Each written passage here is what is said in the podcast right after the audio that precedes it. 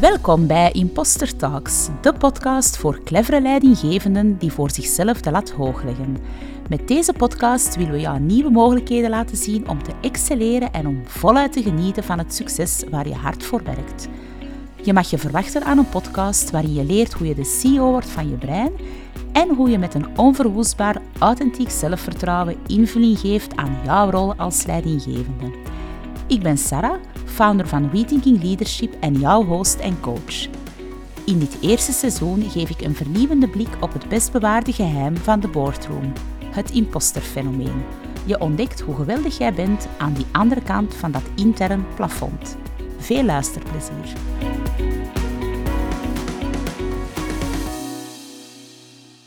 Hallo, hallo, welkom bij de derde aflevering van Imposter Talks. Waar ga ik het vandaag met jullie over hebben? Ik ga het vandaag met jullie hebben over het verband tussen die impostergedachte en jouw productiviteit. Imposter kills productivity. Dat is een van de zaken die ik ook altijd zie bij mensen. De mensen met wie ik spreek, ze hebben het allemaal super druk. Ik hoor continu, ik heb geen tijd, ik heb het druk, ik heb heel de tijd back-to-back meetings. Uh, mensen zijn s'avonds aan het werken, mensen zijn in het weekend aan het werken. Uiteraard heeft daar heel het uh, thuiswerken niet altijd een positief effect, hè, want die grenzen worden ook vager. En het lijkt wel alsof dat drukte ja, een nieuw statussymbool is geworden. Als je zegt van, oh, ik heb vandaag eigenlijk een rustige agenda, dat mag zo precies niet. Hè. Ehm, ik hoor ook nog altijd mensen zeggen van ja, lunchen, ja, ja, daar doen we niet mee, we hebben daar geen tijd voor. Um, dus heel veel mensen zitten in die drukte. Ze zijn continu bezig en dat, dat geeft hen ook wel het gevoel dat ze heel productief bezig zijn. Terwijl dat is vaak net niet zo. Hè? Want als je continu bezig, bezig, bezig bent, dan kan je jezelf inderdaad wel afvragen van, ben ik met de juiste dingen bezig? Uh, ben ik inderdaad nog wel altijd super aandachtig? Ben ik hier aan het nadenken of ben ik continu aan het reageren op van alles en nog wat? Dat is wel um, belangrijk om te kijken naar die productiviteit. Dus hoe verhoog je nu je productiviteit? Hoe kan je door ja, meer persoonlijk leiderschap in te bouwen in je agenda, in de manier waarop dat je aan de slag bent, hoe kan je daardoor al snel een tiental uur per week winnen? We gaan even kijken naar ja, een aantal struggles uh, waarbij de, of waarmee de mensen uh, met wie ik spreek vaak zitten. Um, heel veel mensen komen naar mij en zeggen van ja, ik heb een super drukke agenda. Ik ben altijd bezig, um, ben altijd bezig om dingen van mijn team op te lossen. Mijn team komt continu aan mijn deur kloppen voor dan die one-minute meetings, die eigenlijk allemaal maar één minuut zouden mogen in beslag nemen. Maar dat duurt dan altijd veel langer. Je moet het dan opvolgen. Um, je komt niet aan je eigen werk toe. Je hebt een to-do-lijst waar geen einde aan lijkt te komen. Um, je hebt misschien ook heel vaak... Um, al heel veel zaken geïmplementeerd of heel veel tools geprobeerd om die productiviteit naar boven te halen. Misschien werk je al met focustijd, uh, misschien werk je al met zoiets als de Pomodoro-techniek of whatever. Je hebt heel veel productivity hacks die je kan toepassen. Um, heel vaak hebben mensen dat ook al geprobeerd en toch merken ze van, ja, dat lukt mij hier niet krijg dat niet geregeld. Um, ik begin mijn dag altijd vol goede moed en ik denk altijd van, ik heb nu twee uur tijd ingepland om te werken aan mijn strategie of een nieuw idee of whatever. Maar dat lijkt niet te lukken. Vaak hebben de mensen ook het gevoel van, ja, mijn team pakt die dingen niet op, dus ik moet het dan eigenlijk wel terug zelf doen. Um, ook al zie je jezelf als een coachend leider, toch merk je dat je vaak ja, de dingen dan terugkrijgt die je eigenlijk zou verwachten dat uw team had opgepikt. Um, wat maakt dat je ja, continu in die rush van een dag zit? Je, je hebt het gevoel dat je heel vaak brandjes aan het blussen bent. Um, je wijkt af van ja, de dingen waar dat je echt mee moet bezig zijn. En je komt heel vaak s'avonds thuis met het gevoel van, ja, wat heb ik nu eigenlijk gedaan vandaag? Want je bent misschien s'morgens met de idee begonnen van, ik ga werken aan die strategie of aan een bepaald idee, project. Er komt van alles tussen, je hebt dat niet gedaan en je hebt s'avonds het gevoel van, oké, ja, ik zal dat nu maar doen. Terwijl wat je eigenlijk wil, is dat je rust wil. Je wil s'avonds die mentale rust. Je wil kunnen deconnecteren van je werk en je hebt het gevoel dat je daar niet in slaagt. Bovendien krijg je dan s'avonds ook vaak nog mails binnen, waar je dan ook weer denkt van, ah ja, ik moet erop reageren, want ze hebben mij nodig, waardoor je nog meer gaat aanstaan. Ook hier heb ik voor jou weer een truthbomb. Je kan geen extra tijd creëren. Niemand kan dat. Het enige waar dat je wel controle over hebt, is hoe dat je die tijd zelf effectief en efficiënt gaat invullen.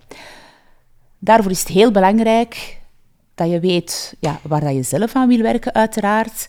Um, welke dingen dat je wel gaat toelaten in jouw agenda, welke dingen dat je niet gaat toelaten in jouw agenda. Waar ga je wel op antwoorden, waar ga je niet op antwoorden? Dat zijn belangrijke zaken om voor jou um, heel helder te krijgen. Want die extra tijd, ja, ik zei net al, dat gaat dus niet. Je kan geen tijd creëren.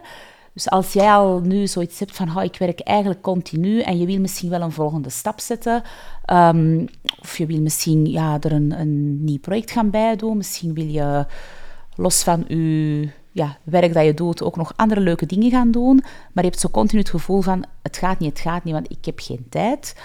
Hoe zou het dan voor u zijn als je effectief tien uur extra zou hebben? En wat zou je met die tijd dan doen? Ik ga er een aantal voorbeelden van geven. Het gaan heel herkenbare voorbeelden zijn. Je gaat zoiets hebben van, oh, wat heeft dat nu te maken met die impostergedachte? Wel, het heeft er heel veel mee te maken. Um, ik heb heel veel mensen die inderdaad die back-to-back meetings hebben, ehm, die heel vaak vragen krijgen van hun team, die dan ook wel reageren op die vragen van hun team. Daar komt ook heel vaak bij dat ze heel veel tijd spenderen aan ja, die mails beantwoorden, die vragen beantwoorden, um, meetings voorbereiden, voorbereiden enzovoort enzovoort je hebt daar enerzijds effectief hè, dan die externe zaken die op je pad komen. Dat kan dan iemand uit je team zijn, of een meeting, of een telefoontje, of whatever. Um, maar uiteraard heb je ook wat dat er zelf bij jou speelt. Hè. De dingen die je dan wel moet doen, hoe pak je die aan? En hoe gefocust ben je daarmee bezig? Er zijn daar twee zaken die heel vaak spelen, zeker als we het dan even linken aan die impostergedachte. Als we kijken naar al die externe triggers hè, die, die binnenkomen, waarop dat je dan continu gaat reageren, daar speelt bij heel veel mensen het gevoel, ja, ik moet hierop reageren, want anders gaan de mensen misschien denken dat ik niet competent ben. Dus je wil daar ook weer gaan bewijzen van, kijk, ik ben uw leidinggevende, ik kan u helpen, ik weet hoe je dat best aanpakt. Um, waarschijnlijk heb je dat in het verleden zelf al moeten aanpakken. Hè? Bepaald um, iets of de struggle waar iemand van je team misschien mee zit. Dus je hebt zoiets van, ah oh ja, die vraagt me dat, ik ga daar snel op reageren. Je creëert voor jezelf bevestiging dat je dat kan. Um, je blijft daar ook een beetje mee in je comfortzone, want vaak zijn de dingen die je team aan jou vraagt, dingen die je zelf al hebt gedaan, waardoor dat je jezelf continu ja, dat goed gevoel eigenlijk geeft. Hè. Ehm, heel vaak zie ik dan dat mensen wel zeggen van ja, ik heb geen tijd om aan die strategie te werken, ik kom daar nooit niet toe. Maar ergens zijn ze daar wel die dingen aan het uitstellen, omdat dat natuurlijk wel iets is dat uit hun comfortzone is, waardoor ze dan meer risico hebben om ja, een keer een foutje te maken of om gechallenged te worden op dat idee. Um, je wil dan niet gechallenged worden op dat idee, want dat, ja, dat schrikt je dan een beetje af. Hè? Want stel dat ze jouw idee niet leuk vinden, dan ga jij weer denken van, ik ben niet goed genoeg. Um, dus het zijn heel vaak zaken waar dat je continu op reageert. En dat is ook weer onbewust uiteraard, omdat je jezelf in die comfortzone wil houden. En of dat je nu die perfectionist bent, of dat natuurtalentje, of die expert, kan altijd zo zijn dat jij denkt van, oké, stel dat jij dat natuurtalent bent en in een bepaalde functie altijd alles heel snel kon, dat je nu in een leidinggevende functie zit en dat je denkt van, oh ja, die strategie, ja, dat, dat is toch iets dat eigenlijk niet zo mijn, mijn ding is. Ehm, of business development is niet helemaal mijn ding, dat gaat niet vlot, ik kan dat niet goed. Um, weten, ik ga het een beetje laten liggen, ik ga dat een beetje laten voor wat het is. En je springt eigenlijk continu op die dingen die je team van jou vragen. Want het is je comfortzone, je kan dat, je weet dat het snel gaat. En als ik dan denk aan dat natuurtalent, dat zijn dan ook vaak de mensen die zeggen van ja, maar als ik het doe, dan is het eigenlijk toch wel beter en sneller gedaan. Dus je blijft eigenlijk in die... Je blijft in je copingmechanisme zitten, je blijft bepaald gedrag vertonen dat niet altijd even productief is, omdat je daar ook weer je eigen identiteit wil beschermen. Kan ook die perfectionist zijn die altijd alles perfect wil afleveren. Ehm, die dan ook uiteraard, want je gaat dat altijd spiegelen naar je team toe, die ook wil dat zijn team alles perfect aflevert, waardoor dat je daar heel veel gaat controleren. Um, je gaat al wat je team doet eigenlijk nog eens nalezen, want je wil toch wel zeker zijn dat het allemaal perfect is. Maar evengoed voor de dingen die je zelf doet, ga je daar heel veel tijd in steken. Gaat je enorm vertragen, omdat je daar ook continu gaat willen checken voor jezelf van, is dat hier wel perfect? En dat kan dan effectief zijn dat je elke mail honderdduizend keer leest voordat je die buiten stuurt. Ehm, dat je als je iets naleest van je team, dat je elk detail gaat nalezen, dat je dat gaat aanpassen. Um, je gaat letten op, ja, dat kan bij wijze van spreken de layout zijn van een PowerPoint die iemand van je team heeft gemaakt, omdat je daar denkt van, ik vind dat eigenlijk toch niet supergoed. Um, dus je bent eigenlijk heel vaak bezig met dingen die niet jouw core taken zijn. Hè. Je bent effectief meer bezig met al die dingen die op jou afkomen. Wat is de impact voor jou? Uiteraard, de individuele impact is vrij duidelijk, denk ik. Je werkt al lange dagen, je doet heel veel avondwerk om van alle zaken te compenseren. Um, wat maakt dat je ook, doordat je dat doet, het vertrouwen in jezelf weer afneemt. Want als we kijken naar het authentiek zelfvertrouwen, dat echt wel belangrijk is om om te gaan met al die impostergedachten. Door het feit dat jij, als je zegt s morgens van oké, ik moet aan mijn strategie werken, um, je plant daar twee uur voor in, je laat je afleiden door van alles en nog wat, je komt s'avonds thuis en je denkt van goh, ik heb daar nu weer niet aan gewerkt, hoe is dat nu toch mogelijk? Je ontneemt daar en je, je zelfvertrouwen in jezelf brokkelt eigenlijk af. En je geeft aan jezelf eerder bevestiging van, zie wel, ik ben hier niet die goede leider, want ja, ik heb nu nog altijd niet aan die strategie gewerkt, ik ga dat nooit kunnen opleveren. Dus je bent enerzijds overwerkt en tegelijkertijd voelt je ook ergens onderbenut. Hè? Want uiteraard, in die strategie kun je ook wel tonen wat je dan kan, maar je doet dat niet. Dus dat is zo'n vicieuze cirkel waar dat je in terechtkomt. Wat dat dan ook speelt voor jezelf, je zit continu ja, op dingen te reageren van je team. Uiteraard doe je dat ook een beetje onbewust. Je doet dat om jezelf in je comfortzone te houden. Maar daarvoor, daardoor verlies je enorm veel focus. Want door continu te switchen, stel dat je toch die twee uur hebt ingepland en je krijgt een telefoontje, je krijgt een berichtje, je gaat daarop in, je switcht dan terug naar waar je mee bezig bent, maar je bent eigenlijk niet meer helemaal gefocust. Je bent totaal niet met je aandacht bij de zaak heel veel mensen zijn dan ook al aan het denken van, oh ja, ik had hier nu twee uur ingepland, maar ben twee, uur, ben twee keer gestoord geweest. Dus uw focus om te werken aan de dingen waar je dan aan moet werken, die ja, wordt ook elke minuut kleiner en kleiner. Het vraagt ook continu energie van uzelf, van uw hersenen, van uw brein om die switch te maken. Dus hoe meer dat je wordt onderbroken, hoe minder uh, focus dat je ook hebt. Een derde impact voor jezelf is effectief die voldoening. Je komt dan s'avonds thuis en je denkt van, goh, het was weer zo'n dag. Ik ben weer continu gestoord. Ik heb van alles en nog wat gedaan. Ze hebben mij bij van alles bijgeroepen. Ze hebben mij betrokken in bepaalde meetings waar dat ze mij dan nodig hadden. Ehm, en je hebt daar echt wel geen, of je haalt daar geen voldoening uit. Wat dat ook maakt dat je wat gefrustreerd thuis komt. Uh, je start dan de volgende dag ook weer terug gefrustreerd. Hè, want je denkt al van, goh, wat gaat het vandaag weer zijn? Um, terwijl dat veel leuker is om aan een dag te beginnen met het gevoel van, goh, ik ga mijn strategie werken, ik ga dit doen, ik ga dat doen. En voor de rest zien we wel wat er gebeurt. Dus die impact voor jezelf is enorm. En die impact zit hem dan vooral op het niveau van ja, die mentale rust. Ik heb heel veel mensen die zeggen van ja, mijn hoofd zit vol en ik heb echt geen rust. Ik heb geen rust in mijn hoofd.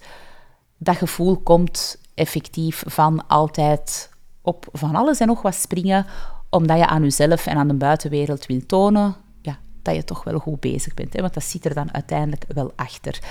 Bij jou zit daaronder echt die angst van, stel dat je team aan je deur komt kloppen en ze hebben een vraag en jij zegt van, het past nu niet, ik ben aan strategie aan het werken, kunnen we er morgen of overmorgen of volgende week uh, samen naar kijken?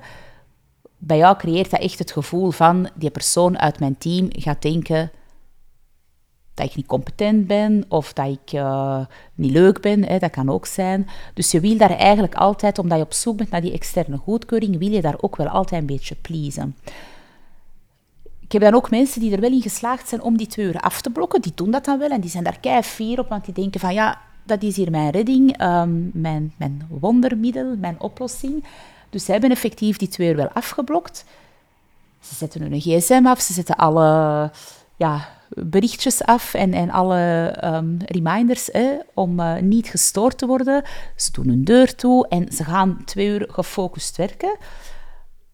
Maar ze zijn dan zo in hun hoofd aan het denken van... Oh, welke mails gaan er ondertussen binnenkomen? Um, wat gaat het zijn met mijn gsm? Welke telefoontjes ga ik misschien gemist hebben? Want ze, ze vinden zichzelf eigenlijk wel onmisbaar. En doordat ze dat allemaal aan het denken zijn, zijn ze ook niet gefocust aan het werken. Wat dat dan ook weer ja, een, een, gaat, vreten aan je zelfvertrouwen, gaat ook vreten aan je energie. Want je denkt dan daarna van, en ik had nu twee uur die een tijd uitgetrokken, ze hebben mij niet gestoord, ik heb mijn gsm niet vastgepakt en toch heb je niet dat werk gedaan dat je wou doen. Dus ook dat gaat weer energie vreten en gaat weer mentale energie kosten. Dus al die zaken voor jou als individu, kost dat enorm veel energie. Dat vreet aan uw mentale vrijheid. Um, maakt ook dat uw zelfvertrouwen en uw geloof in uzelf altijd weer een tikkeltje meer afneemt. En wat dat ook belangrijk is, niet alleen jouw productiviteit leidt daaronder, maar ook de productiviteit van uw team. Als jij bijvoorbeeld uh, vanuit een bepaalde twijfel elke mail continu gaat nalezen, um, of misschien stuur je ja, mails terwijl dat veel sneller kan gaan met een telefoontje. Als jij zaken van je team continu gaat nalezen, um, als jij continu gaat antwoorden en hen gaat vooruit helpen, ga je daar hun productiviteit ook wel ja, ergens naar beneden halen. Want zij gaan op een bepaald moment denken van, goh, weet je, als ik het niet weet, ja, mijn baas gaat het wel oplossen. Hè. Dat is zo typisch iets dat je dan vaak hoort.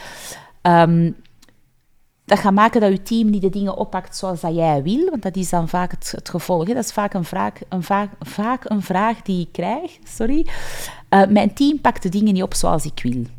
Maar uiteindelijk is dat vaak omdat jij ze ergens wel die mogelijkheid hebt gegeven, want ze kunnen altijd bij jou terecht.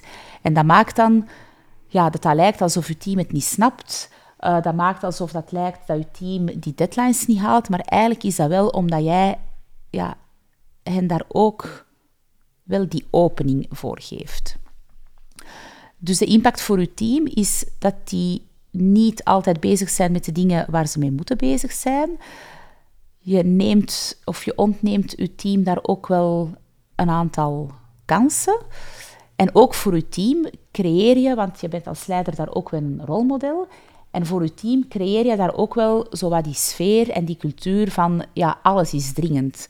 Want jij reageert op alles, dus je team gaat ook beginnen denken van, wij moeten hier op alles reageren, want zij gaan een beetje kopiëren. Hè? Want zij, zij voelen van, oké, ja, als ik iets vraag, mijn leidinggevende antwoord direct, maar zij gaan dan ook wel onbewust beginnen denken van als hij of zij mij iets vraagt, moet ik ook direct reageren. Dus je creëert daar eigenlijk een, een heel gestresseerd, niet zo productief team.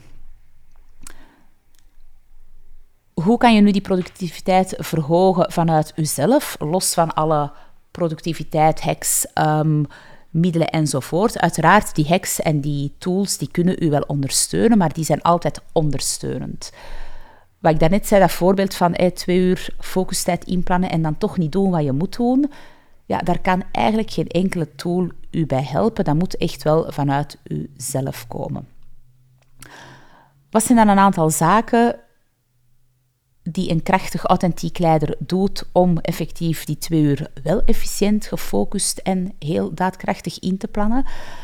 Een authentiek leider, een krachtig leider, die heeft voor zichzelf heel duidelijke doelen en prioriteiten.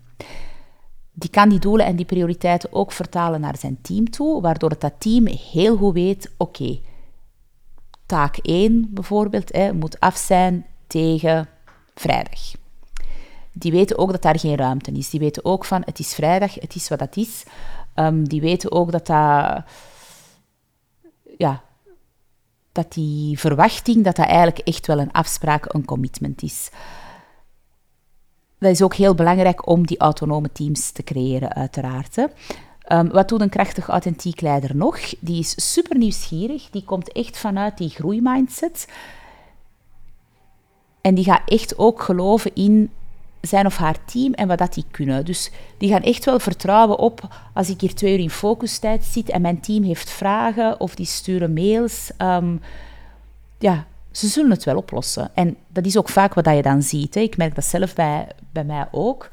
Um, als ik twee uur mijn gsm afzet of niet check, ja, er gebeuren echt wel geen rampen. En veel van die zaken kunnen perfect ook de dag daarna gebeuren.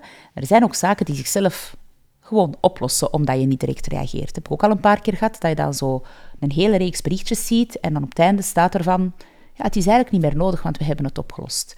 En dat wil je eigenlijk ook wel bij je team creëren. Hè? Dus je moet echt geloven in hun kunnen.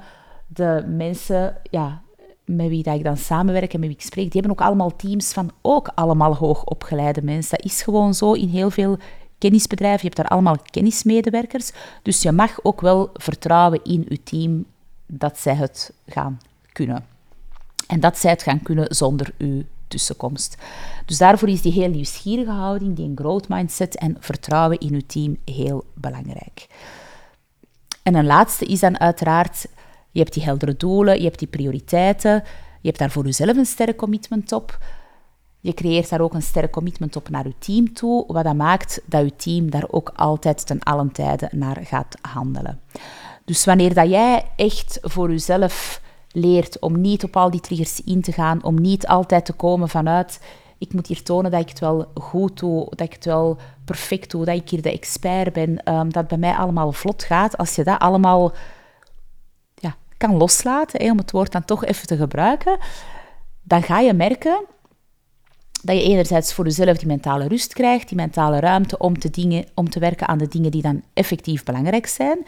Dat kunnen dan nieuwe innovatieve ideeën zijn, strategieën, ehm, onderhandelingen die je moet voorbereiden, business development. Het kan van alles zijn dat voor jou ja, de prioriteit is als leider. En je gaat ook merken dat je team daar veel autonomer door gaat werken. Uiteraard hebben zij die heldere doelen, die heldere prioriteiten ook wel nodig. Ze hebben dat kader nodig om autonoom in te werken. Maar ze hebben echt wel niemand nodig die continu hun uh, handje vasthoudt. Ik ga jullie terug twee vragen meegeven waarbij dat je voor jezelf even kan stilstaan op ja, hoe, productief, hoe productief ben ik hier nu eigenlijk? De eerste vraag is, in hoeverre ben jij bezig met zaken waar je eigenlijk zelf niet meer verantwoordelijk voor bent? En de tweede vraag is, in hoeverre ben jij, als je heel eerlijk bent, toch nog wel een beetje aan het micromanagen? Waar controleer jij je team toch nog? Ook al denk je van jezelf dat je een coachend leider bent, waar durf je toch zo al eens de controle terug overnemen? Ik ga jullie ook weer terug uitnodigen om als je over die vragen wil sperren of daar eens van gedachten over wil uh, wisselen, je mag me altijd contacteren via LinkedIn. Je mag me ook altijd een berichtje sturen via um, Instagram als dat voor jou makkelijker is. Of je kan een call inplannen via de link onder deze podcast. Dankjewel om te luisteren en tot de volgende.